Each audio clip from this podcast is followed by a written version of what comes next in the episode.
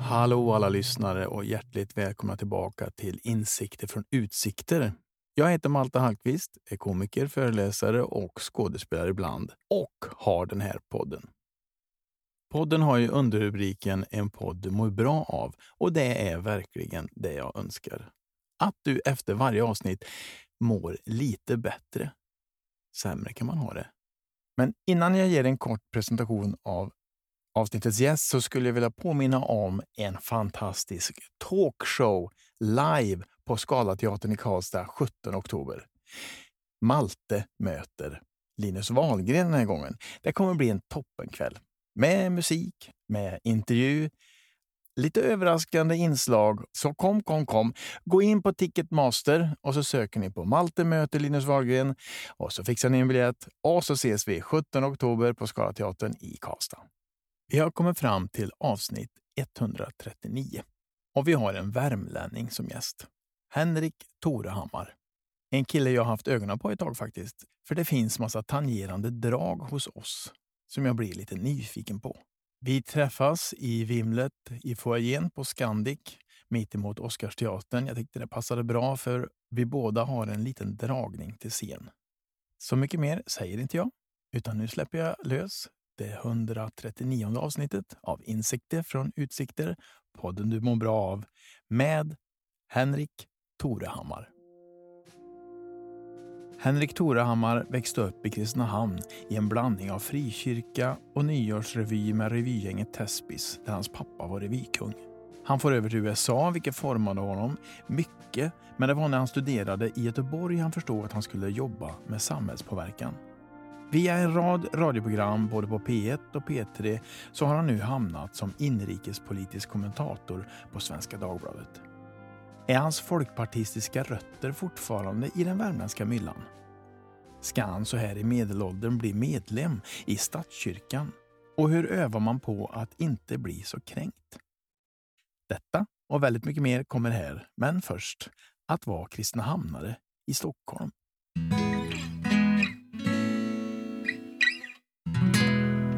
Det mest småstadiga jag gör det är ju att så fort jag hör ett bråk så är ju inte jag en riktig stockholmare som bara går vidare eller någonting utan jag typ stannar och bara vad är det som händer för att få underhållningen. Mm. För att säga, men vad, jaså, vad, vad bråkar de där taxichaufförer om? Ja, det där vill jag se.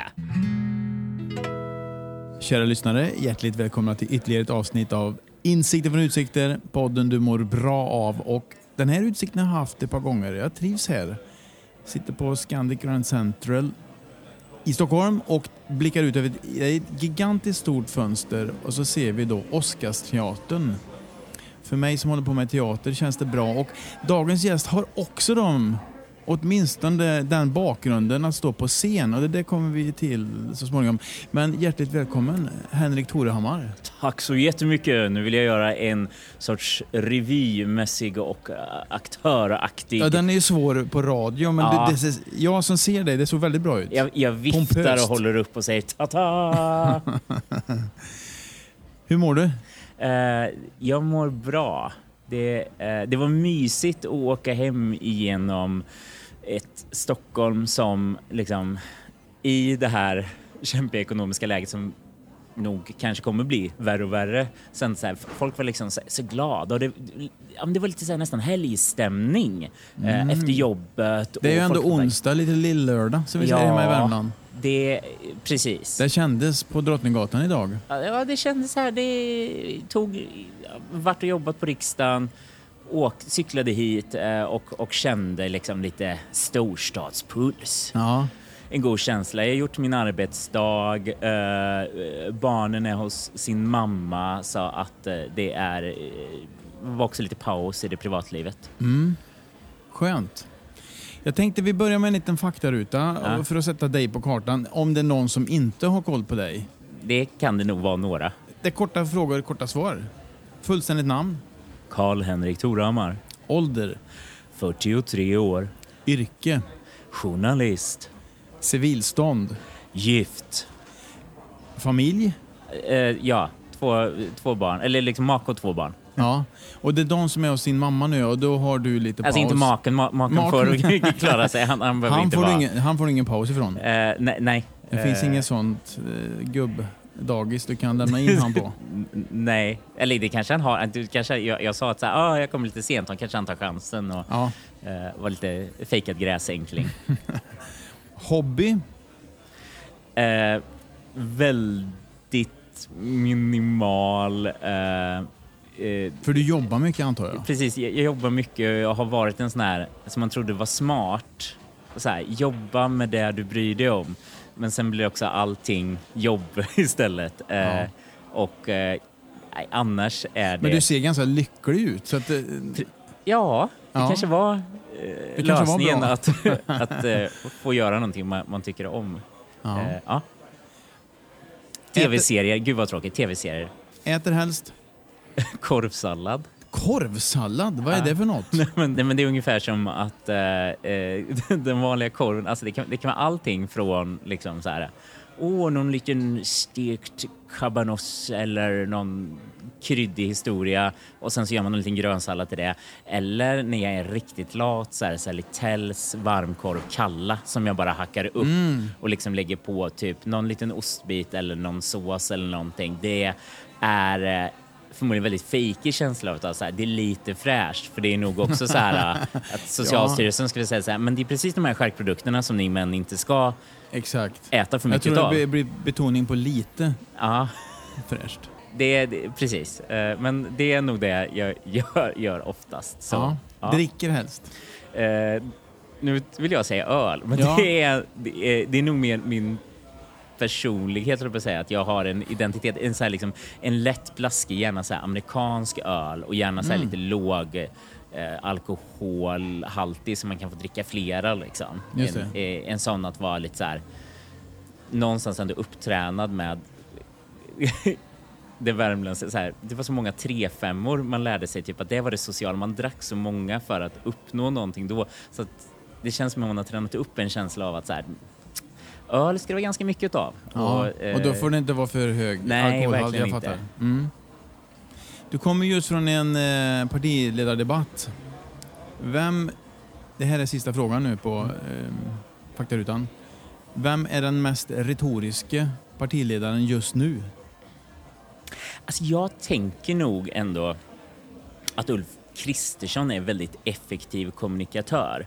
Eh, han kan liksom säga ganska lite men, men göra det med emfas. Å ena sidan, å andra sidan. Att, att det liksom, jag får ändå något tydligt vad han vill. Liksom en sorts, tvärtom typ vad Johan Persson ibland, när han bara får prata fritt så är det liksom en hund som springer och hoppar runt och, och som, som media tycker man det är jättehärligt men det är också, kan jag tänka, kan ju liksom det är, kan vara svårt att jobba med någon som ska ha ett tydligt budskap och som säger knasiga saker eh, och så. Men, men Ulf Kristersson tycker jag är liksom väldigt tydlig. Sen, alltså, eh, Magdalena Andersson är ju sjukt disciplinerad.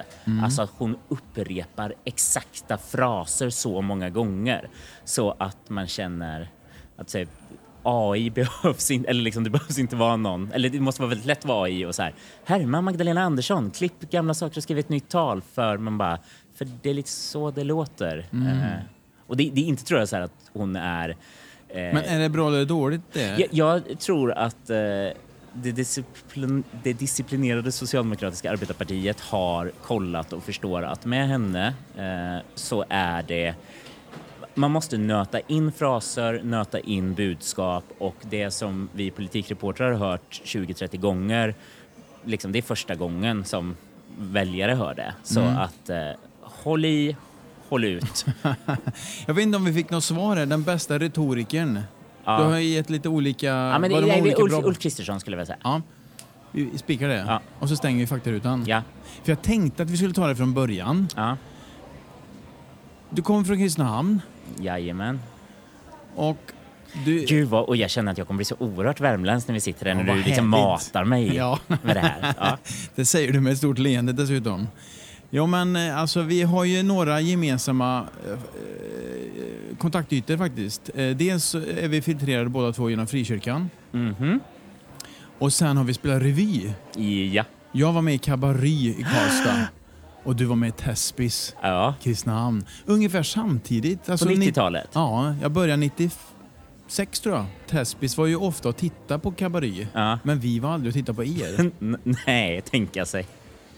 Det var ju lite, det var väl lite taskigt gjort. När jag, när jag säger det högt här Ja. Men det var ju bara, så var det. Alltså, det, det, och det får man kanske köpa och det liksom ligger i det här lite lillebrorskomplexet att det, Ja, det.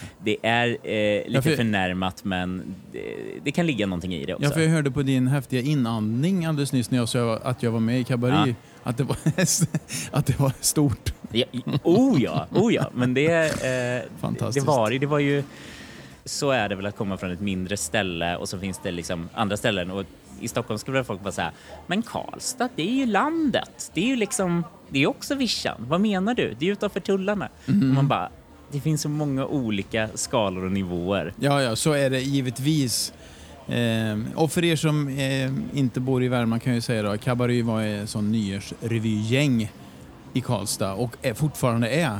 Jag vet inte, är Tespis som då var Kristinehamns motsvarighet, är de fortfarande igång? Du, jag, jag har faktiskt väldigt dålig koll på det. Det var ju min pappa som var lite så här äh, revyfar i Just. Kristinehamn och Mm. eh, som, som började där på 80-talet och sen så liksom kom jag in eh, någon gång först typ som scenarbetare och sen fick, alltså det är så oerhört lillgammalt att jag som 15-åring skulle skriva sketcher och Ja, för det gjorde du redan 95 vet jag, jag läste Ja. till här. Eh, och då hade jag en eh, sketch som var, för då var det så här Nile City och jag kommer ihåg att det tyckte jag var så oerhört kul och liksom ny form av humor. Eh, så då gjorde jag en rakt av eh, en Farbror Barbro rip-off som var eh, en, en karaktär som hela prat, liksom pratade som någon sorts kurator men hela tiden om det goda ljudet. Det var liksom hela den här grejen.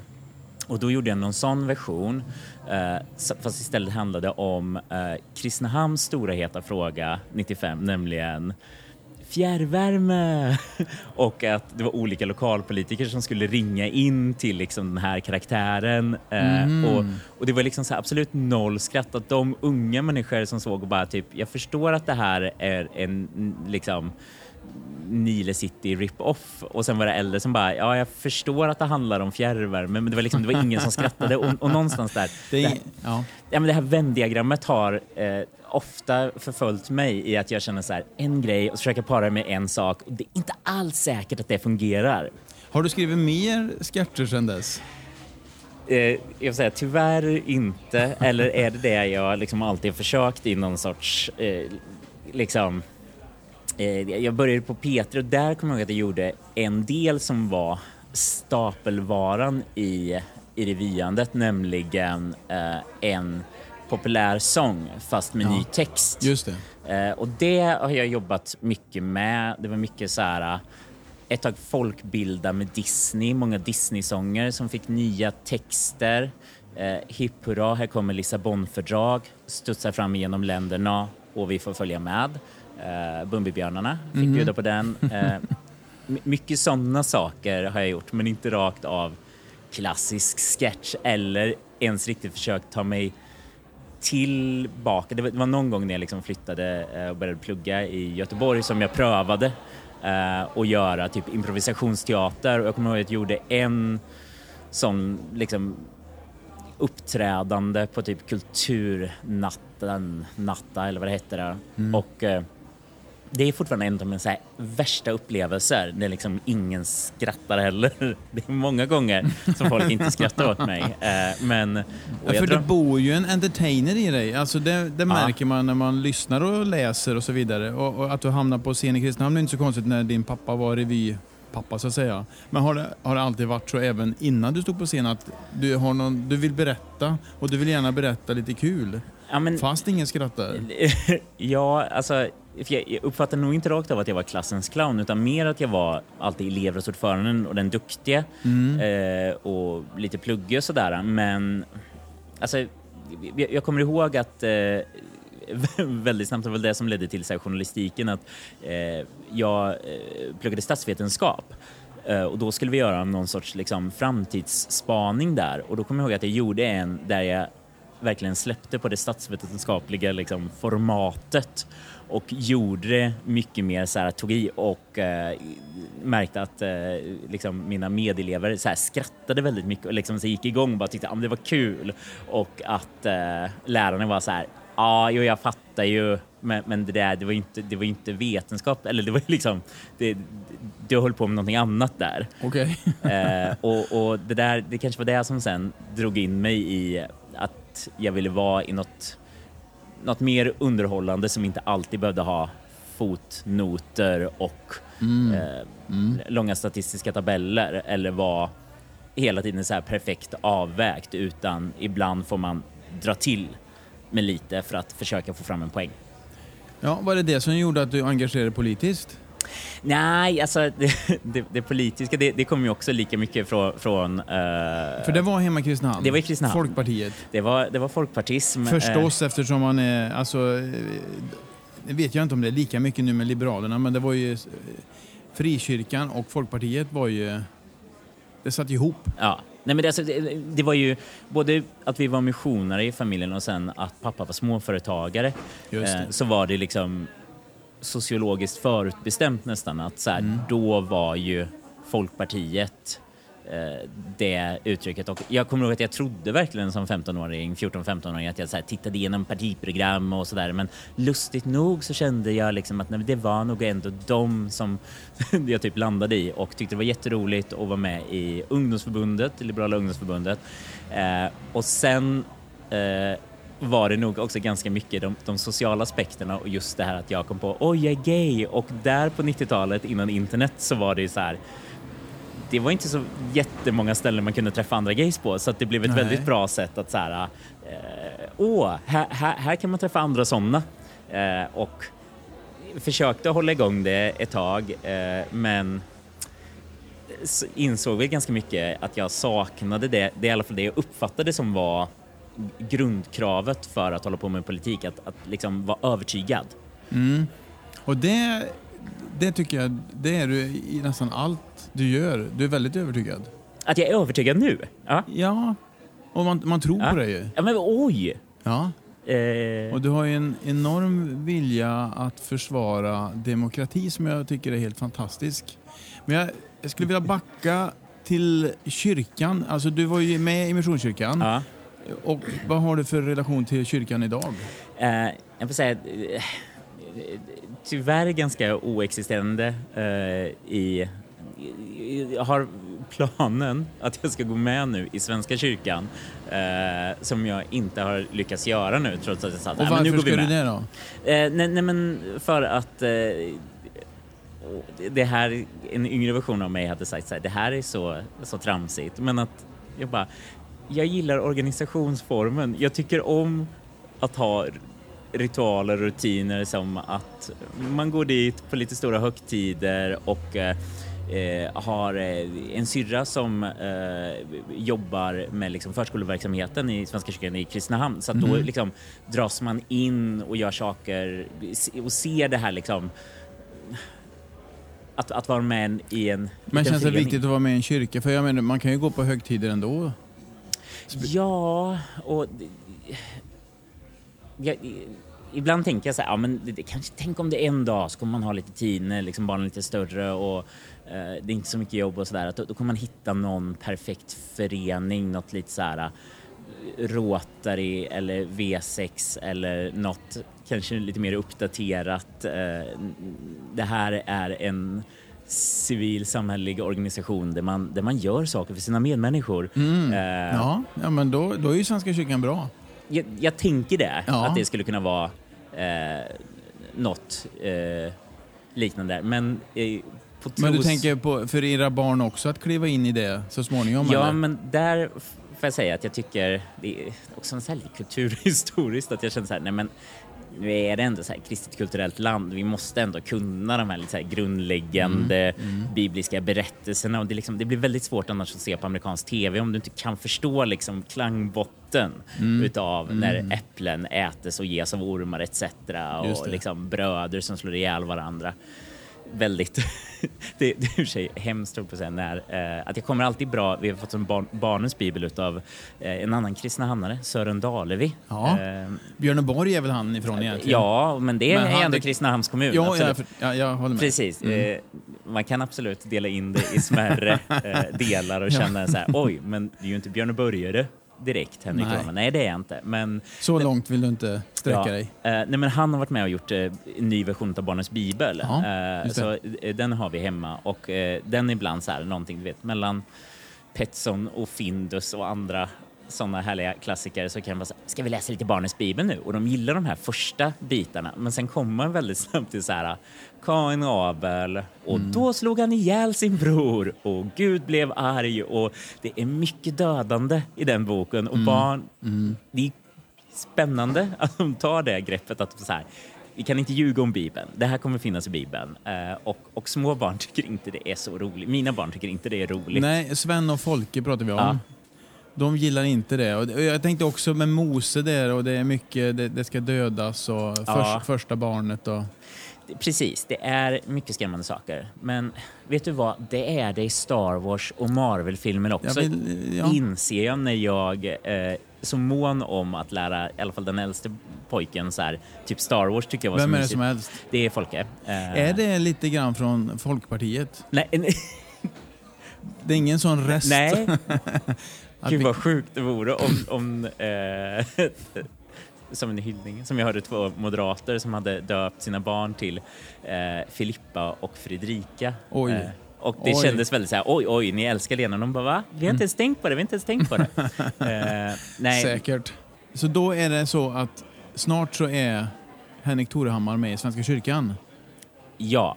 Mm. Eh, Och det beror mest på organisationen och kanske något slags kulturarv till dina barn.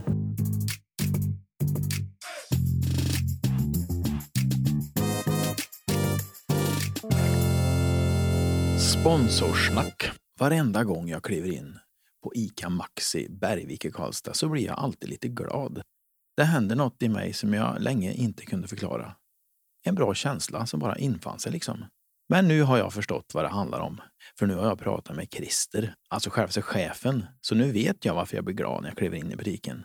Det är för att på ICA Maxi Bergvik i Karlstad så jobbar man nämligen aktivt för samhällsnytta och mångfald. Förutom att det är en väldigt trevlig och fräsch butik. De har bland annat daglig verksamhet i butiken. Det finns en Jenny och en Susanne som varje morgon välkomnar ett gött gäng med funktionsvariationer och tillsammans går de ut i verksamheten och sprider värme och glädje. Sånt gillar man. Sånt känner man. ICA Maxi Bergvik satsar på lokala producenter så att du som kund ska kunna handla närodlat. Det är bra på så många sätt. Dessutom arbetar Christer i styrelsen för Ajabaja Cancer, en organisation som arbetar med att underlätta vardagen för alla som drabbas av just barncancer. Och i butiken så kan du skänka din pant till Ajabaja Cancer. ICA Maxi Bergvik i Karlstad har hashtag älska kunden. Den hade jag aldrig sett innan, men alltid känt. Det är ett väldigt bra betyg det.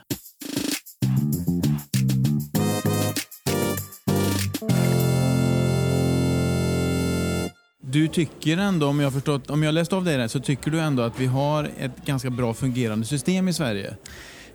Ja, och nu kan det vara eh, mycket att jag jämför mina upplevelser av USA. Ja. Eh, Att där eh, ser jag någonting som just nu Nej, men ett tag har det varit så oerhört dåligt att, att jag är liksom ett ganska stort så här, gillare utav den amerikanska kulturen, utav eh, USA, åka dit och så. Men på senare år har jag känt så här, nej men det känns så bortom all räddning på vissa sätt. Eh, och massa tendenser som jag såklart märkte när jag bodde där, eh, som jag tänker bara blir Var starkare och någonstans starkare. bodde du i USA? Men jag gjorde liksom, min, min formativa del var ett, ett klassiskt high school-år på västkusten utanför Seattle, ganska, ganska, väldigt långt utanför Seattle, flera timmar bort, en liten, liten ort som heter Shelton eh, eh, i Puget Sound. Eh, och där eh, bodde jag först där och sen så gjorde jag ett halvår på high school, eller vad säger jag, på college eh,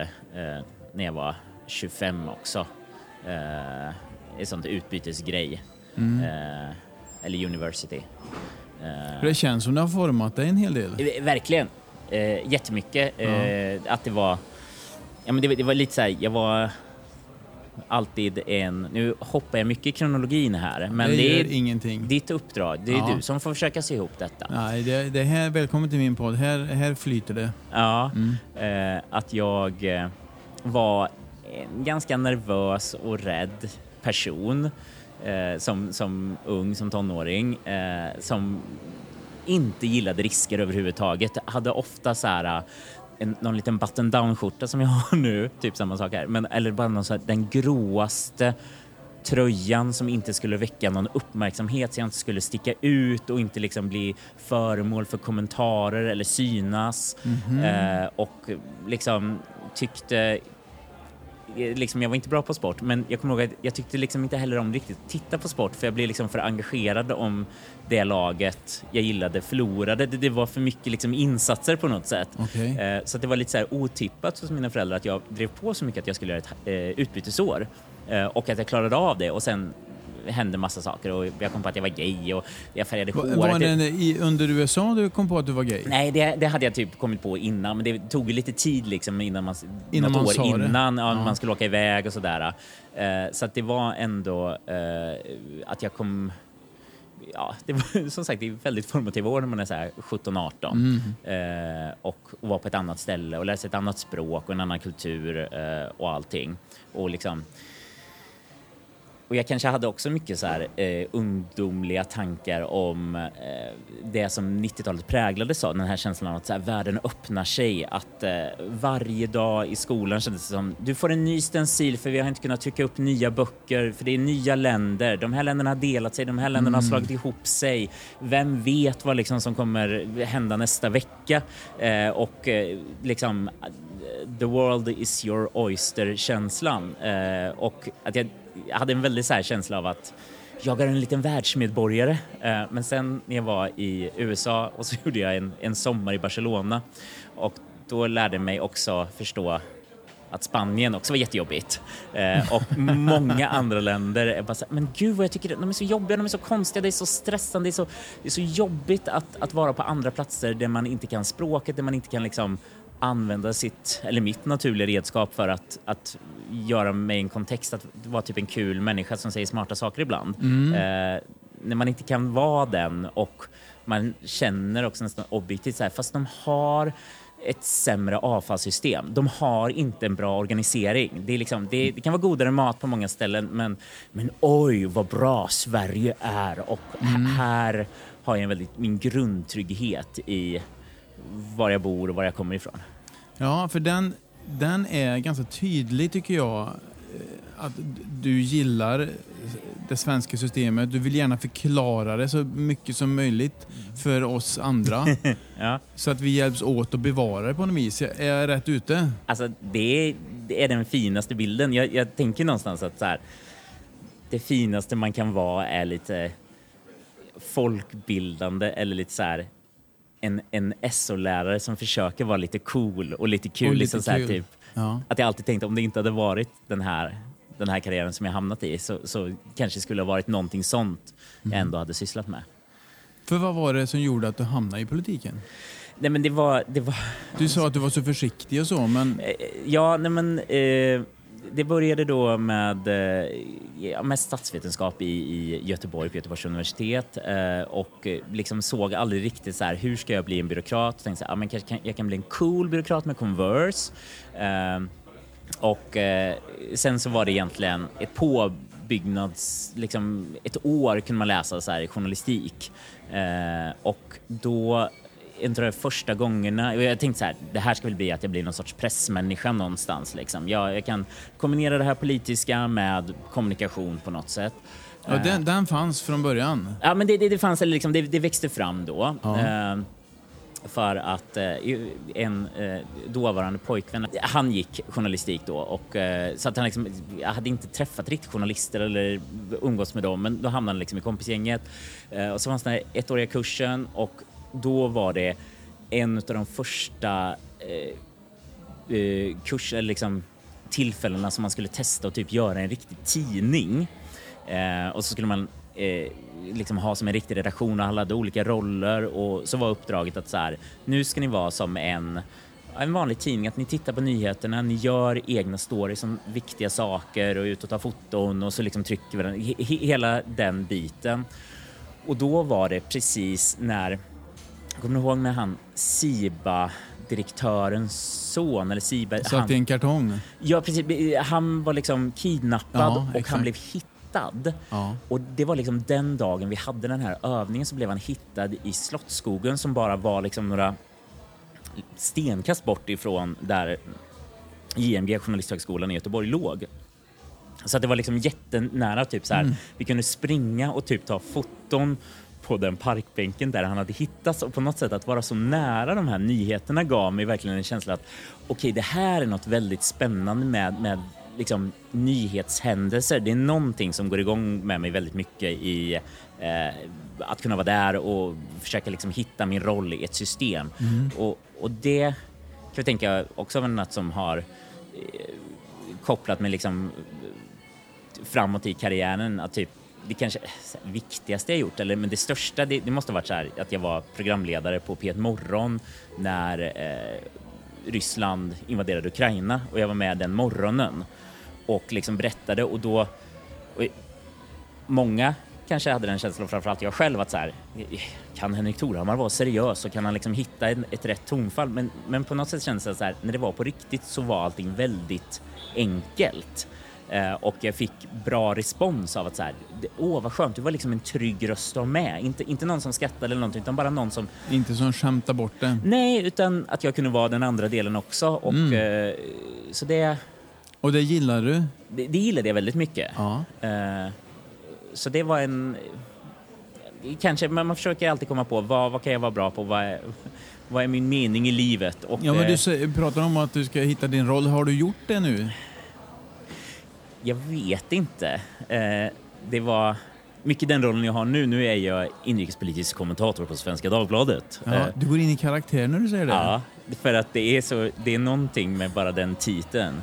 Svenska Dagbladets inrikespolitiska kommentator Henrik Dorehammar eh, som är, det är så främmande och konstigt och det, var också en tid... För, förlåt, ja. men vad är det du förlorar på att vara seriös där då? För du pratade om att du vill inte, du skulle vara någon med Converse i så fall om det... Ja, om jag skulle alltså, vara en, en, en, en, en byråkrat med Converse, ja. när jag skulle vara liksom någonting Vad händer annorlunda. om du skulle bli en byråkrat-byråkrat då? Vad är det du tappar, förlorar? Nej men den det, det, det, det är den säga, sanna terapitimmen. Eh, varför är du rädd för att vara allvarlig? Varför kan du inte bara vara i det, eh, det traditionella, det vanliga, det liksom förutsägbara, eh, det som förväntade? Eh, det är så du känner att det är förväntat att du ska vara? Vissa roller, vissa, vissa typer eh, tänker jag, jag kommer ihåg mycket med radion så var det så här P1 att eh, det har liksom har en viss tonalitet. Ett sätt att läsa på saker och förklara att nu har vi ringt runt och gjort den här undersökningen och det är aldrig för mycket och kanske ibland för lite utan liksom en sak har hänt och det ska vara mm. det här neutrala som jag många gånger älskar eh, och sen ibland kunde man känna mig så extremt allergisk mot när jag kände att så här är det det rätta eller är det bara ett sätt att prata, ett sätt att förhålla sig, ett, ett, ett sätt som gör att det, är liksom, det överraskar inte, det är nästan att man zonar ut. Mm. För att du har ju en helt annan röst än den som du har sagt att finns på P1. Du har gjort enormt mycket radio. Mm. Eh, och var, eh, var det först med en hel del grejer, som Musikhjälpen var du med första? Det var jag. Du har fått pris, Årets Rookie. Mm. Och ganska nyligen, eh, vad heter det då? Årets journaliströst? Nej. Språkpriset, Språkpriset från Radio. Så var det ja. Det var några år sedan. Ja, 19 va? Ja. Det är ju, ja, det är ju ganska nyligen. Ja. För en sån gammal gubbe som mig så liksom känns det som igår. Precis, men det, det, det, är någonting också. Allt det där, allt som hände innan pandemin och kriget känns som okay. att man bara... Oj, just det. Ja. Men din röst är ju lite speciell för du har ju härmat lite P1-röst här. Ja. När man talar ganska ordentligt och noggrant. Och sen så kommer du med lite ljusare röst med en dialekt från Värmland. Så man, man hör ju när det är du. Det dialektala eh, har också varit en del av eh, min kompiskrets där vi kände så här att Kristinehamnare och värmlänningar som, som släppte dialekten, det kändes väldigt falskt, att det var väldigt konstigt. Vi hånade många dem som... Som, som försökte prata stockholmska och så? Ja, eller som gjorde det, som, som tappade, som, som verkligen inte hade eh, säga, stark förankring, men, men som liksom, det var inte alls så viktigt för dem, det här äh, gamla Kristinehamnslivet. Och på något sätt så här, jag hade ändå väldigt gött i småstaden Mm. och eh, det var inte alltid att jag levde mitt bästa liv på framförallt högstadiet, men, eller ens på gymnasiet, men, men det var, spelade ändå stor roll och det var liksom på något sätt, ja men jag kommer därifrån, det betydde någonting och det är liksom inte skräp.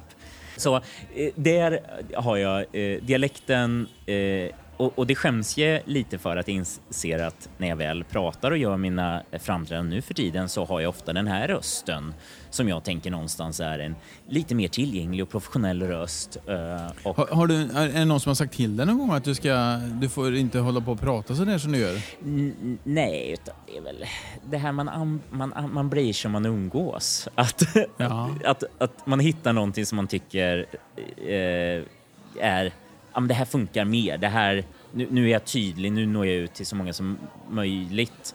Eh, och, och samtidigt så går det igång när, när jag är i Kristinehamn. Till exempel så var jag, hamnade, vi har ett sånt bevakande program, Medierna, som, eh, för journalister som liksom så här typ man, det blir vi alltid så här, journalister rädda för. Nu kommer medierna ringa upp. Eh, Och sen så hade jag varit med och gjort en grej. Jag hade varit på eh, ett mingel hos statsministern när det var Pride eh, och så hade jag och andra, andra personer som har varit, blivit ifrågasatta, typ ska vi mingla med makten?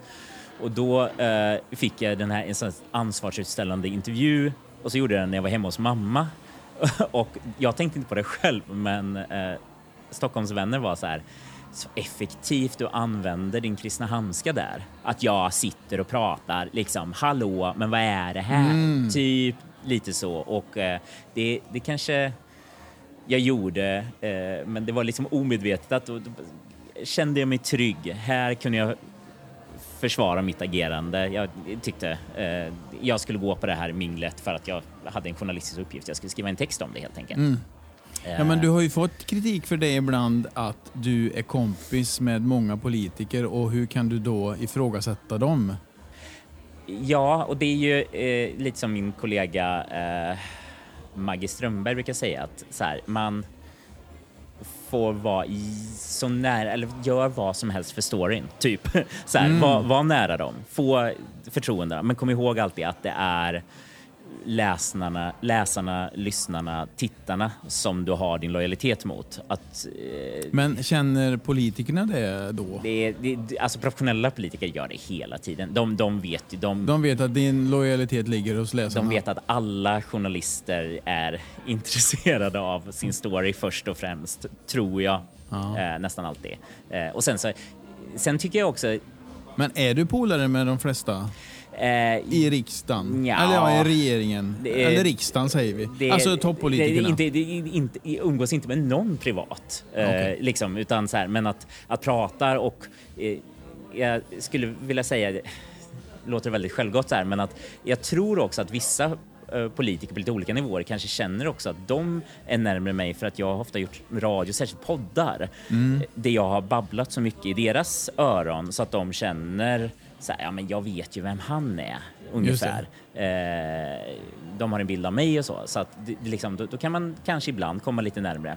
Sen, sen finns det ju också den här att jag har ju aldrig delat den här bilden av att så här, min grundinställning är att politiker är eh, the scum of the earth, att de är liksom så här falska jävlar som vi måste hela tiden sätta dit, utan det kan de ibland vara. Eh, och Jo, men du tror ju ändå på systemet. jag tror på systemet och Ja. plus också att jag, att jag började som någon liksom politiker. Att det, det var ju mer så här att media var problemet. Att jag kommer ihåg liksom att pappa som lokalpolitiker, han kombinerade också det här att han skulle både vara eh, lokalrevy men också lokalpolitiker. Så en gång så hamnade han, och det här det var så sjukt för då var han ordförande för något så här lokalt eh, bostadsbolag och så var det en stor grej med att de höll på och rev saker i Kristinehamn och då gjorde han en sketch där han var sig själv. Fantastiskt. Det var helt Så vansinnigt. surrealistiskt. Ja, och jag uppskattade det väldigt mycket och jag liksom eh, kanske har tagit med mig lite.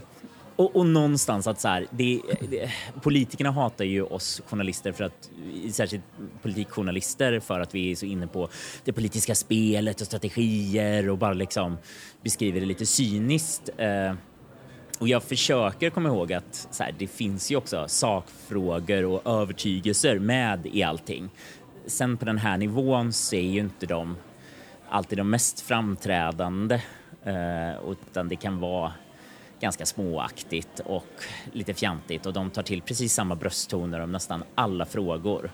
Och sen ibland så liksom skiner det till när det är något som är på riktigt och man märker okej du bryr dig och det här är på riktigt och nu, nu ja, då, då kan man känna så här, ja okej nu funkar systemet igen.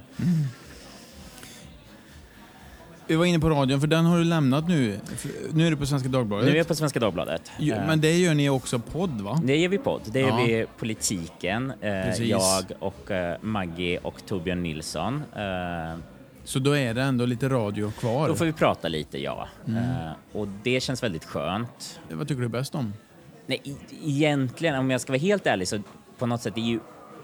Alltså, live-radio har nog liksom alltid varit det, det enklaste kanske ibland för mig. Att, så här, att hitta frågor i stunden och att jag tycker om någonting mycket mer med när makthavare och sånt vet om förutsättningarna. Att så här, okej, men du, du, du vet hur mycket tid vi har på oss, du får säga det liksom jag kan inte klippa dig för det här går ut live. Eh, Men du kan inte heller bli arg på att jag försöker avbryta dig eller någonting för att det, vi, vi har en liten begränsad del. Vi ska försöka komma till botten med någon sorts fråga.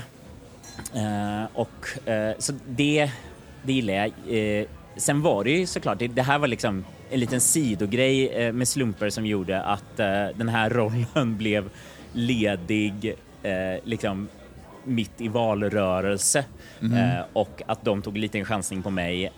Så att stora skor att fylla och en så här kaxig position att så här från att vara den som kan ställa frågor till att börja säga hur det är och Just försöka det. göra en lite myndig röst. Ja, så ett karriärsteg uppåt, absolut. Eh, ja, och eh, extremt stressande och, och framförallt att skriva ifrån det här talande och som vi kanske hör redan nu, en ganska hoppande hjärna och samtalston där allting går runt hela tiden. Eh, att sen försöka skriva text som ska vara Någon förståelig. slags röd tråd, ja. Ja, eh, det har varit utmanande, men Men det tycker jag du lyckas med. Man, jag har ju läst mycket av dig nu inför det här. Man märker att eh, du har eh, en hjärna som det, det poppar i. Eh, men det går ju ändå att förstå vad du vill ha sagt. Det är jag tacksam för, för det är ju min Ja. största rädsla. Min, min kompis Linnea Wikblad på eh, P3, hon brukar ju säga att eh, nej men du, du hoppar ett steg eller du glömmer vissa ord i, så bara i samtal, i kommunikation, i liksom din hjärna hoppar snabbt och du tar inte med den andra parten om det bara är liksom en kompis eller om det är typ radiolyssnare ibland. Så det där känner jag är, det är min stora rädsla att, att jag försöker få fram någonting men jag är så som en glad hund att det inte riktigt vill sig och då blir ju folk bara Du är som Johan Perssons eh, retorik. Ja, och jag känner att ofta kan jag också ha en stor förståelse för Johan Perssons sätt att prata. att jag är en väldigt generös lyssnare och kan fylla i och ja, men han menade ju det här och det där liksom. För att lite så funkar min hjärna också. Alltså, I det här samtalet så har du inte hoppat över ord. Däremot så hoppar du tid lite fram och tillbaka, men det är också mitt fel att eh, jag- släpper ju dig som, den, som den glada hunden du är. Aha. Jag tänker att det blir roligare samtal då, än att jag ska hålla dig i någon slags koppel, utan det får, det får, Det vara. får vara lite frihopp och lek också. Absolut.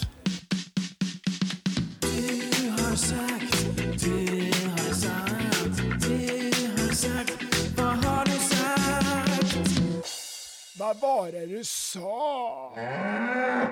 Du ser lite nervös ut. Ja. Vad tänker du? Eh, att, som sagt, det finns, det finns en, en, ett rikt skafferi att plocka saker som kanske borde slängas. Ja, i så fall säger du till bara. Ja. Du, du har sagt Innan 11 september 2001 var jag en allvarlig människa. Oj. Eh, innan 11 september? Ja, så var du en allvarlig människa. Vad menade jag med det? Vad var kontexten? Jag tror att det, det hände någonting. Eh, och du sa också i det där, jag tror det var en podd, att det, det kanske var lite spetsigt sagt, Mm. men du var den här förtroendevalda eh, Ja. elevrådsrepresentanten, du tog ansvar, men någonting hände. Jag vet inte om det var exakt 11 september, men någonstans i millennieskiftet ville du mena. Det hände, alltså, Ja. det hände något. Ja, jag tror nog att jag försökte säkert vara lite lustig med det här. Eh, att det var ju en grej eh, som jag kommer att skämta om att så mycket tillskrevs 11 september och särskilt i den här sorts amerikanska eh, kulturen, särskilt tv-serier och sånt där som jag har konsumerat. Att så här, I don't want to blame it all on 9-11 but it surely didn't help. Den här extrema narcissismen att tro så här att stora världshändelser på något sätt så här, de är så viktiga för min personliga eh, Ah, okej. eh, mitt, mitt liv. Eh, men, men absolut, jag var en mycket mer ordentlig människa innan det och sen i efterhand nu kan jag tänka att sen hade jag istället en sån här liten att jag försökte vara en 20-åring som ville vara cool och gå på coola klubbar och ha kläder och typ det, det där så liksom det som lilla nörden och framför allt den här duktiga missionsförbundaren inte fick göra eller hade Just det. gjort. Utan nu var det så här, det var ju mycket så här i kyrkan att du måste vara snäll mot människor som inte är så coola eller roliga och typ så här, det- viktigaste Så är det att vara har gått snäll. över, nu, nu är du inte snäll Nu bara dem. skiter jag alla. Nej, men den här känslan lite så här att så här, jag går före i kön. Eller jag, det, det, det, en, en, en själviskhet av att så här, premiera sitt eget, sin egen njutning som jag Mm. fick lite lära mig. Eh, sen hoppas jag inte att jag blivit en, en, en galen Mm. självisk människa. Nästan en narcissist, nej. Men du, du, du, du kan ibland tänka på dig själv. Eh, ja, absolut. Ja. Det är ju bara sunt, tänker jag. Det, det är ju eh, det där man alltid mår dåligt över. Man känner så här, nej men har inte jag gjort tillräckligt mycket för familj och vänner och lever jag inte upp till, eller bara så här, har jag inte varit rättvis mot den här stackars toppolitikern när jag försöker beskriva dess tankar eller någonting. Eh, och sen så ibland får man tänka, ja, även om jag inte har varit perfekt så alla är inte perfekta. Det, det är mänskligt också. Okej, gå vidare. Mhm. Du har inte så mycket ångest hela tiden. Nej, och, eh, har, har du inte det nu då? Eh, jag drar ner på det lite. Mm. Det, mycket det här med barn är ju på något sätt något som äter upp all möjlighet till ångest. Eller liksom, man har en massa ångest för barnen och familjelivet och sådär. Men Jo, det är jo. också det är en sån kontext som en annan kompis som sa det där att men det är så här, i 30-årsåldern man är så jävla trött på alla tankar som har snurrat i sin eget lilla huvud. Man, man är så jävla mätt på sig själv. Man behöver något annat att fokusera på. Mm. Och där eh, fungerar familj väldigt bra för mig. Det ger mig en riktning och ett mål och så här. Här och nu. Ja, just det, ja, det är det här det handlar om egentligen. Just ja. det. Mm. Jag tycker mycket om skvaller och kul. Ja. Jag tycker mycket om skvaller och Kul? kul. Ja, Ja, det är en väldigt rolig formulering. Ja. Eh, jo, det, det där kom vi in på ganska nyligen för att faktiskt så här, en av de första idéerna eh, om eh, eh, vad jag skulle ha för framtida yrke, kommer jag ihåg. Säg att jag är tio eller någonting i, på Jakobsbergsskolan i Kristinehamn och så ska vi rita vad vi, vad vi ska bli i framtiden. Och då ritar jag eh, en man i solglasögon som går med en vampig kvinna ner för en så här lyxig trappa och jag står där eh, med liksom som en liten skvallerfotograf och den här kändisen så här, inga kommentarer. Och min känsla var så här, nej men jag ska bli jag ska bli skvallerreporter. Att jag, jag var ett barn som läste liksom inte okej, utan jag läste typ Hänt i veckan och Svensk Damtidning och tyckte det var någonting så här helt magiskt i det här trashiga och bara prata om folks personlighet och deras privatliv. Eh, och eh, ja, eh, och sen tog det några år. Du blev ju inte riktigt det. Nej, eh, även om det var någon som sa till mig häromdagen också så här, åh, du är liksom svensk politiks skvallerreporter när jag, när jag babblade om sånt där som vi inte skriver om, men så här, har du hört det här och det här om den och den och då tror vi det här och den och ja, eh, och sånt. Eh, eh, det ska vi liksom så här. Eh, det kanske finns relevanta saker att prata om eh, toppolitikers privatliv, eh, om de gör konstiga saker, men det är ju inte som i USA, det är liksom ofta Nej. politiker så här, baserar sin politik på eh, jag tycker det här och det här och sen kan man avsäga så här, fast du lever inte som du lär. Eh, det, är inte det förhållningssättet vi har i Sverige eh, och oftast så är det irrelevant. Sen så absolut, politiska reportrar skvallrar jättemycket om svenska politiker och deras privatliv och allting som sägs om dem och som politiska motståndare, ofta inom deras egna partier, säger om Mm. andra personer. Så eh, den delen Men nu sitter du ändå på en kanal som inte kan eh, skriva sånt. Svenska Dagbladet ska ju inte eh, ägna sig åt skvallerpress. så. Nej, och det är ju liksom, det är inte, alltså, det är näst, nästan aldrig relevant, tänker jag, liksom på riktigt så här. Eh, och sen, sen finns det ju något absolut något mänskligt att vi, folk vill veta, det är spännande och eh, skvaller, det var någon som pratade om det lite så här sociologiskt, att skvaller är ju ett sätt att som samhälle försöka upprätthålla normerna för vad som är rätt och fel. Vad är gränsöverskridande beteende? Vad tycker vi är liksom, så här kan man inte göra vara en bra människa på något sätt? Eh, och Ja, men hela sociala medier är väl ändå någon slags skvallerkanaler. ja, eh, det, det kan det ju vara, mång- I absolut. mångt och mycket. Ja, eh, även om jag kanske tänker att så här, också väldigt mycket så här, ren politik som kan göras väldigt effektivt och, och kanske inte liksom den finaste, mest upphöjda formen av politik utan det är mycket mer så här, att, att skrämmas, att, att samla sin grupp till att liksom så här, titta vad bra grejer jag säger när jag trycker till den andra dumma gruppen som jag ogillar. Jo. Och, Ja, men den, den, den finns ju också. ja, Vi tar nästa citat. Det lilla jag har sett av riktig makt chockerade mig ända in i märgen. Okej, Det blir man ju supernyfiken Ja. på. Vad, vad har du sett? Det undrar jag också. Vad det där nu kändes det som så här, nu tog han i.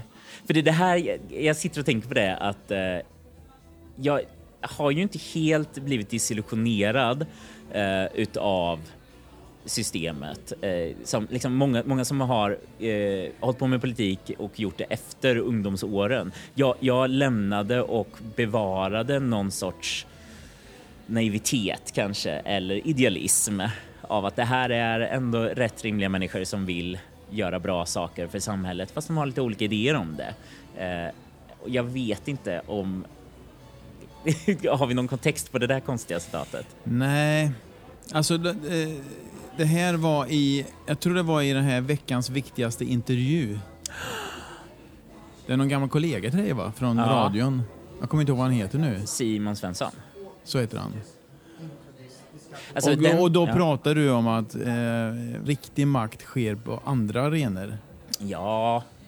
Va? Ja, men det är precis att, att det på något sätt kan vara ett litet villospår och tänka att så här, det här är våra folkvalda, det är de som bestämmer allting när man tänker så här att ja, men det finns stora företag och intresseorganisationer och liksom eliter på ett annat sätt eh, som kanske har mycket större makt och eh, det, är liksom, det demokratiska systemet är ju ändå mycket mer transparent och lättförståeligt och eh, någonting man kan hållas ansvarig för. Eh, kanske, kanske det är någonting åt det hållet som jag tänker. Även om jag inte ska säga att jag har så himla bra koll på hur fungerar det när skumma saudiska köpmän kommer överens om grejer eller vad det nu skulle kunna vara. Nej, okej. Vi släpper den då. Ja. Hela livet är en scen och man gör ett uppträdande. Där får vi kanske modifiera lite. Eh, men eh, jag kommer ihåg det förmodligen eh, sociologen Goffman och de olika maskerna eller de olika rollerna tyckte jag var när jag fick liksom höra om det här eller läsa om det som 20-åring och pluggade sociologi var jag helt ja, så är det ju. Att ett, ett så här, eh, 90-talet som kanske alla olika uppväxtåldrar har det här, men då kändes det som autenticitet var så väldigt viktigt mm. och det var mm. väldigt mycket uttryckt genom vi fick välja mellan sport och musik. Eh, och eh, musiken var ju liksom, det var inte riktigt som på 80-talet, så här, är du syntare eller hårdrockare, men det var ändå så här, du lyssnade på en viss sorts musikstil och när du hade lyssnat på den, då fick du klä dig på det sättet. Eh, då, eh, men du kunde också vara väldigt mycket så här fake eller typ, du har köpt dina nitar på H&M du är inte riktig. Ja. Eh, och mm. den där känslan av så här, ja men du gör olika saker, du har olika röster. Det är inte så att du kan fastslås av att vara en falsk människa för att någon kommer på ah, du var olika på olika ställen, utan det är så eh, samhället ser ut. Och... Eh, Alla letar efter sin roll. Du var inne på det förut. Och det är klart att det måste man ju uttrycka sig på olika sätt längs med livets sökande, tänker jag. Ja, att det, ja, och, så, och samtidigt tänker jag så här, ja, jag har ju också försökt vara ganska mån om att försöka presentera mig eh, ganska så här, sammanhängande på olika arenor. Mm. Eh, att det inte ska vara så här, oj, du är verkligen en helt annan människa i verkligheten än den du är här, jag, tyck, jag har tyckt till exempel det var jättesvårt för en annan generation som yngre än mig som växte upp typ på sociala medier och som kunde vara så oerhört slagkraftiga och roliga där och sen träffar man på en fest och så var de små töntar eller liksom de bara satt tysta, de gjorde ingenting. Jag bara, men hur kan du ha de här två olika delarna? Jag, jag twittrar och instagrammar typ som jag som du är? I, i, precis, och att jag hade känslan att ja, det var lite, lite gött att försöka bevara eh, samma grej, inte ha massa olika tonaliteter och massa olika personor eh, som jag är. Men du rör dig ju ganska fritt i olika karaktärer och du, du leker med din röst och... Ja. Men jo. det är ju ditt uttryckssätt, ja. det känner man igen, kanske inte i skrift. För det är svårt att höra vad du hade för röst när du skrev ja. den där meningen. Men, men eh, som är här, jag kan tänka mm. mig i ett vanligt samtal med dina kompisar så, så är det också du säger olika... Det är min gissning ja. fall att det, det, vi ser här nu, det är det ja. som det är Henrik Torhammar. Ja, det hoppas jag. Eller det vi hör får man väl säga eftersom det här ja. är en podd då. Jag ser. Ja. Mm. Nej, men det, ja, och jag, jag, vet inte varför jag lägger så mycket så här vikt i att jag, så här, jag blir så glad när du säger det. Men inte, ja, vad, här, för, för, för vad liksom, tror du det beror på? Nej, men jag, jag vet inte. Det, kanske också någonstans med så professionalism som jag har haft svårt att helt koppla till. Att, att jag kommer ihåg att eh, Annika Lantz, eh, när hon kom liksom som radiopersonlighet, så fick hon mycket skit för att hon liksom kunde inte skilja mellan liksom det privata och det personliga. Liksom. Att man skulle mm. vara en personlig röst som inte skulle vara privat. Och jag förstod aldrig vad var den här konstiga gränsen där folk skulle dra och kritisera dig för och liksom att det var så självklart för så många människor. Eh, eller det var liksom självklart att du måste vara professionell på det här sättet. Eh, och eh, att jag har liksom, ja, har, har kämpat med att förhålla mig till detta utan tänkt att jag kan väl vara värd att tas på allvar och lyssnas på även om jag ibland har en skämtsam ton. Mm. Det tycker jag också. Det är där, där är vi helt överens. Ja. Ska vi ta ett sista citat innan vi går in i en slags avslutning? Om man inte är bög själv så får man inte skoja om bögiga saker. Det, det eh, tycker jag det? Har jag tyckt det någonsin? Eh, det där är ju, nu är vi inne i identitetspolitiken. Mm. Att, eh, och, jag får ju säga så här, jag tillhör den här verkligen generationen som på något sätt så här bögidentiteten, alltså från, jag kommer ut 95-96 eh, och alltså den, den massiva förändring som skedde på 90-talet, på 00-talet eh, och hur jag ändå tänker att det har nog varit mestadels en fördel för mig att, att kunna vara öppen om min läggning och identitet i mitt yrkesliv. Att jag liksom som, som programledare kunde prata om saker, eh, eh, om killar och pojkvänner, om eh, hitta ja, olika connections till, till olika saker. Eh, och, och samtidigt, eh, ja, är det bara, får bara bögar prata om bögiga saker? Nej, nu känner jag mer och mer att här, vi kanske måste ändå få komma till att fokusera mer på vad som sägs än vem som säger det. Mm. Eh, och att, ja, har väl blivit mer och mer skeptisk till någon, någon tanke som kanske var mycket starkare för några år sedan om att så här, det finns bara minor minoriteter får prata om minoriteternas saker. Ja, men lite grann som svarta får, får skoja om svarta, men som en vit man kan man inte komma och dra ett, ett, ett sånt skämt. Nej, och det, liksom, det, det finns säkert massa så problematiska aspekter och ibland kan man ta goa snack om saker och ting. Men det, Mm. det var också det här, jag kommer ihåg att folk använder den här glosan, ah, det är problematiskt beteende och det är en sak som är så här om man är problematisk eller osoft, att det, det har ändå i sig någon form av så här, här har jag åsikter om ditt beteende och vi kan prata om det. Eh, men oftast, särskilt med sociala medier, har det blivit så här att nej, det är eh, liksom totala brott som du har begått. Du skämtade på det här sättet, du gjorde den här grejen, du är eh, inte för evigt dum, men, men det är liksom så här.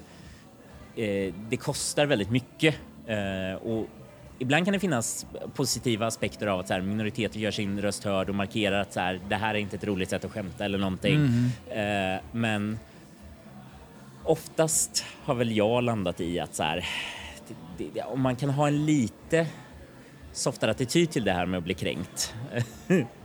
om du bara är redo att bli lite mer kränkt. Uh, och gå med, nej men det, det, det kanske Det går handlar att ha... lite grann om lite, vara lite stoisk, är det inte så?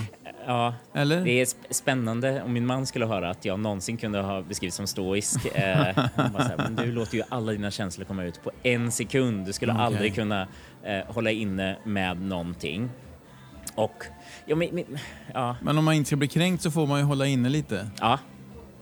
Och det, eh, precis, och försöka tänka på något annat perspektiv. Och finns det någonting här? Finns det, ja, bara det här när man stör sig på någon människa så är det ju oftast inser man ju till slut men det är ju för att det är någonting som ligger nära en eller det här rädslan för att åh, är jag sån här? Har jag delar av det här? Är det därför jag blir så vansinnig på den här människans röst, beteenden, åsikter, någonting?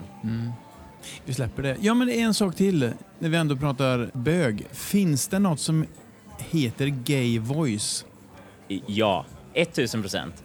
Och vad, vad beror det på? För man kan ju, man kan ju höra på en Ja. människa att förmodligen så är den personen homosexuell. Ja, och det, det är ju eh, sociolekt kallar man det ibland. Det här kommer också vara så här väldigt den akademiska formen att då pratar de homosexuella männen eh, på detta sätt och imiterar varandra och För att känna samhörighet det, eller? det har liksom varit en tanke så här, det här är Ja. samhörighetsskapandet. Jag hörde en annan sån här bara, typ någon sa på TikTok eh, som jag undrar lite över. Eh, men då var det så här eh, Eh, en ganska så här fjollig ung kille som pratade om att jag pratar på det här sättet. Och varför gjorde jag det? Jo, för att jag hatade alla så här killarna liksom när jag var liten, när jag var liksom fem sex år. De var så himla jobbiga och de ville bråka och de mobbades eh, och jag ville vara med tjejerna. Men för att vara med tjejerna så måste jag prata som tjejerna. Eh, att det var, liksom, det var där man fann lojaliteten, fann kompisarna. Och för på något sätt så är ju ibland bara så här, the gay voice, det är ju bara här, en kille som pratar tjejigt.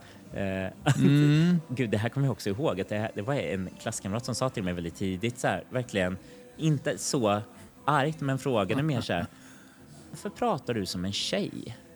Och då kommer jag ihåg att det var ju så här fruktansvärt som så här 8, 9, 10-åring, någonting sådär.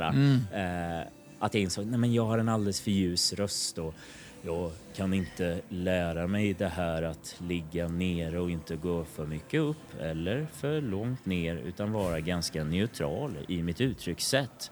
För jag tänker det är så mycket roligare, eller liksom jag vill ju, det är så här jag connectar med människor och Ja. försöker visa mitt engagemang och va, och, och lite ibland värmländskan går ju upp lite också. Det eh, ja, eh, men jag tror att det finns en gay voice. Eh, finns det en gay sann identitet? Jag vet inte. Eh, finns det något som förenar alla bögar? Nej. Eh, men ofta så finns det ja, men delar erfarenheter. Eh, jag skrev någonting om det eh, när jag tittade på en, gammal, en bild på en, en, en första öppna eh, homosexuella mannen som kandiderade till riksdagen, riksdagsledamot var han, en socialdemokrat som dog i aids på 90-talet eh, och som jag helt hade missat. Han var liksom inte med i den allmänna historieskrivningen. Och jag bara såg en bild på honom när han var liksom ung och så här kampanjade och liksom började gråta. Eh, liksom, dels hemskt med aids och hur mycket som mm. människors liv som försvann eh, innan bromsmediciner och innan man visste, ja, allt det där. Eh, men också den här känslan att så här, att vara gay, det är ju eh, folk kan tänka så här, åh, du är så privilegierad, eller du är så, nu har ni en bra förspänd situation, men också, man har ju också haft ett, ett liv där man, hur mycket man än känner sig bekväm och glad med alla delar, så har man också, tror jag, nästan alla bögar känt så här, fast jag är fel. Jag är fel, jag borde ändra mig. Någonting här är inte som det ska och det där är liksom en, en process eh, av att ja, man känner sig lite bruten, lite sönder, lite mm skadad. Och är det där som jag kan se hos andra bögar och på något sätt ger dem lite en solidarisk blinkning eller ja, har någon känsla av gemenskap. Och i det så skapas det en gay voice. Och i det, och det så finns gay voicen där och som, ja varför gör vi det? Varför, gör, varför håller vi på med denna gay voice? Ja, det, det är oklart. Men ja, det, det, men, men den finns i alla fall. Varför? Låt oss undersöka detta. Vi kan inte riktigt ringa in det, men då, då har vi bestämt att det finns en gay voice. Ja. Till 1000 procent sa du till och med. Det var då, det... mina klassiska ja. överdrifter. Kan jag också få vara the gay voice? Det var så jag kände, så här, mm. det var mm. nästan att vi utlyste en tävling. We're looking for the gay voice of Sweden. Are you the gay voice of Sverige? Och jag bara, ja, jag vill vara det. Avslutningsvis nu då. Så jag var inne på det förut. Du är, har ju någon entertainer i dig. Mm. Och du letar efter någon roll, du vet inte om du är på rätt ställe. Och eh, det var väl någon fråga som jag också tänkte på. att Är, är du på rätt arena? Det, det, vet man ju inte riktigt. Jag har liksom haft svårt att försöka ringa in dig. Alltså, är, är, du, är, är du på väg mot att bli Sveriges Jon Stewart, alltså Daily Show? Eller ska du ta över stafettpinnen från Lena Melin? Som den folkbildande journalisten som förklarar hur inrikespolitiken funkar. Eh, I den här intervjun, veckans viktigaste, så var typ det hårdaste och kanske också sannaste som sades var eh, du är för rolig för att kunna tas på allvar men för tråkig för att vara komiker. Just det, det kommer jag ihåg att han sa. Det var ganska tufft sagt. Ja, eh, och det var en rolig komiker i sig och också någonting som inte... Jag har släppt Simon, tack så jättemycket. Eh,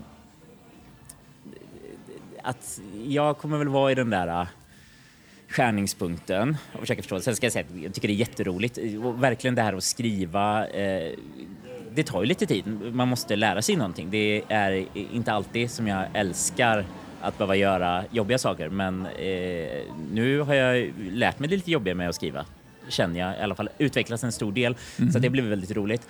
Eh, men eh, jag hade en liten health scare om man säger, att jag faktiskt fick en liten stroke mm. när eh, det, var, det var mycket med jobbet eh, och saker och jag vet inte om det hade med det hela att göra men det, det blev så här, det, det, var liksom, verkar ta i trä, inte ske igen och inte ge några bestående men utan det, liksom, det syntes. Läkarna var lite chockade. Oj, du hade det här och så. Men då övervägde jag ju liksom, oj, livet, vad, gör jag rätt? Ska jag tänka över allting? Eh, och så pratade jag med en gammal barndomskompis som jag inte hade träffat på liksom 20 plus år, bara pratat med varandra. Så åkte vi upp och träffade varandra så här, i, i somras och hängde, det var jättekul.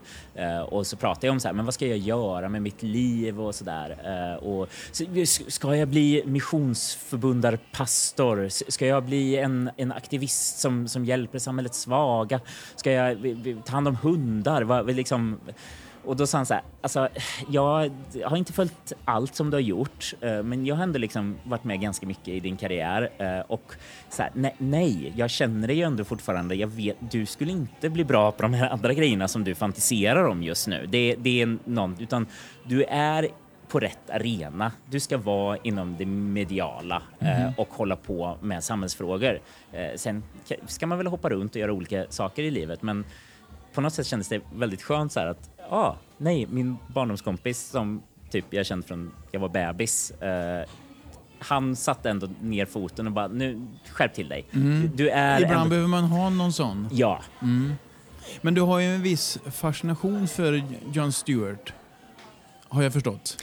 Ja, det var, jag ska säga, var väldigt mycket förut. Eh, det var jag helt besatt av honom. Sen kan jag också se att han är lite problematisk och hans lite så här, cyniska take. Eller ibla- ibland är han liksom, ja, han är ju en aktivist och, och ibland är det det där jag undrar så här, är det ett tecken på att eh, han är ett geni, eh, som han ofta är, eller är det liksom ett tecken på att USA är så förstört? Att det går inte att vara en rimlig människa där längre, utan man hamnar i ett hörn och man driver kampanj mot halva befolkningen hur man än gör. Just det.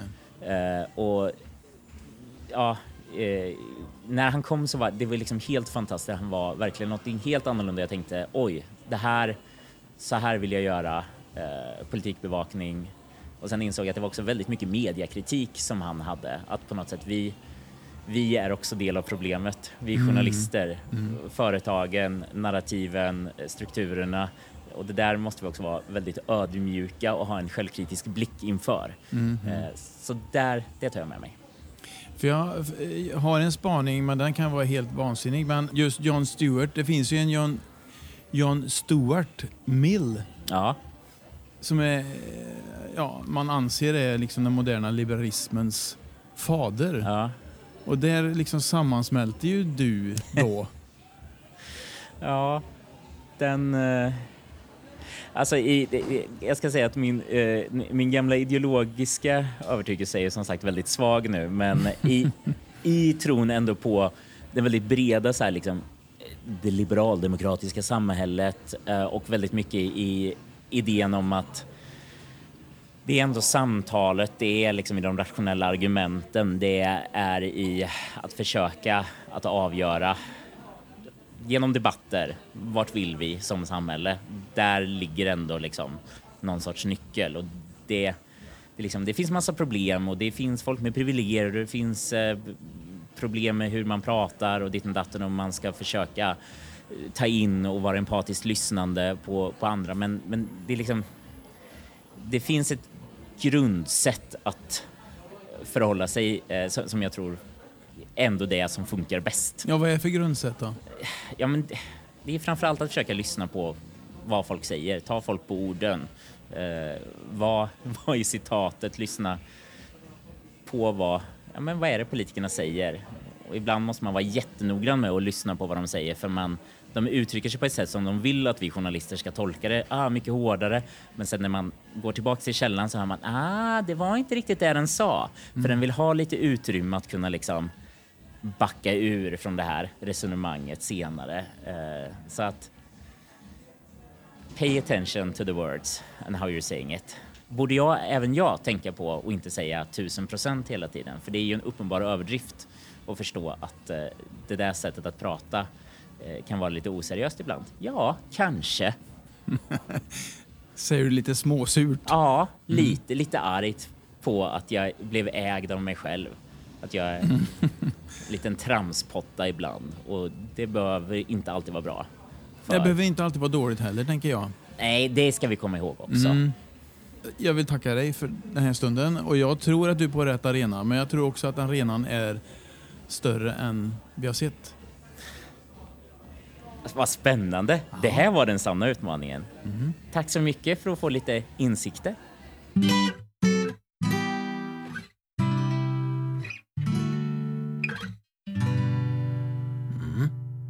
Det var Henrik Torehammar det.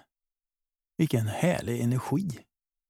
Nästa vecka får vi besök av Sanna Martin, en sångerska och musikalartist som har otroligt många järn i elden och väldigt många bra idéer. Och just nu tror jag, precis när jag håller på att spela in det här, så står hon och berättar för Carola Häggkvist hur de ska gå in och ut på scen. Det får vi se fram emot. Glöm nu inte att gå in på ticketmaster.se och sök på Malte möter Linus Wahlgren och köp dig en biljett så att vi kan uppleva den här kvällen tillsammans. 17 oktober, Karlstad, Scalateatern. Fram till dess, var snäll mot dig själv.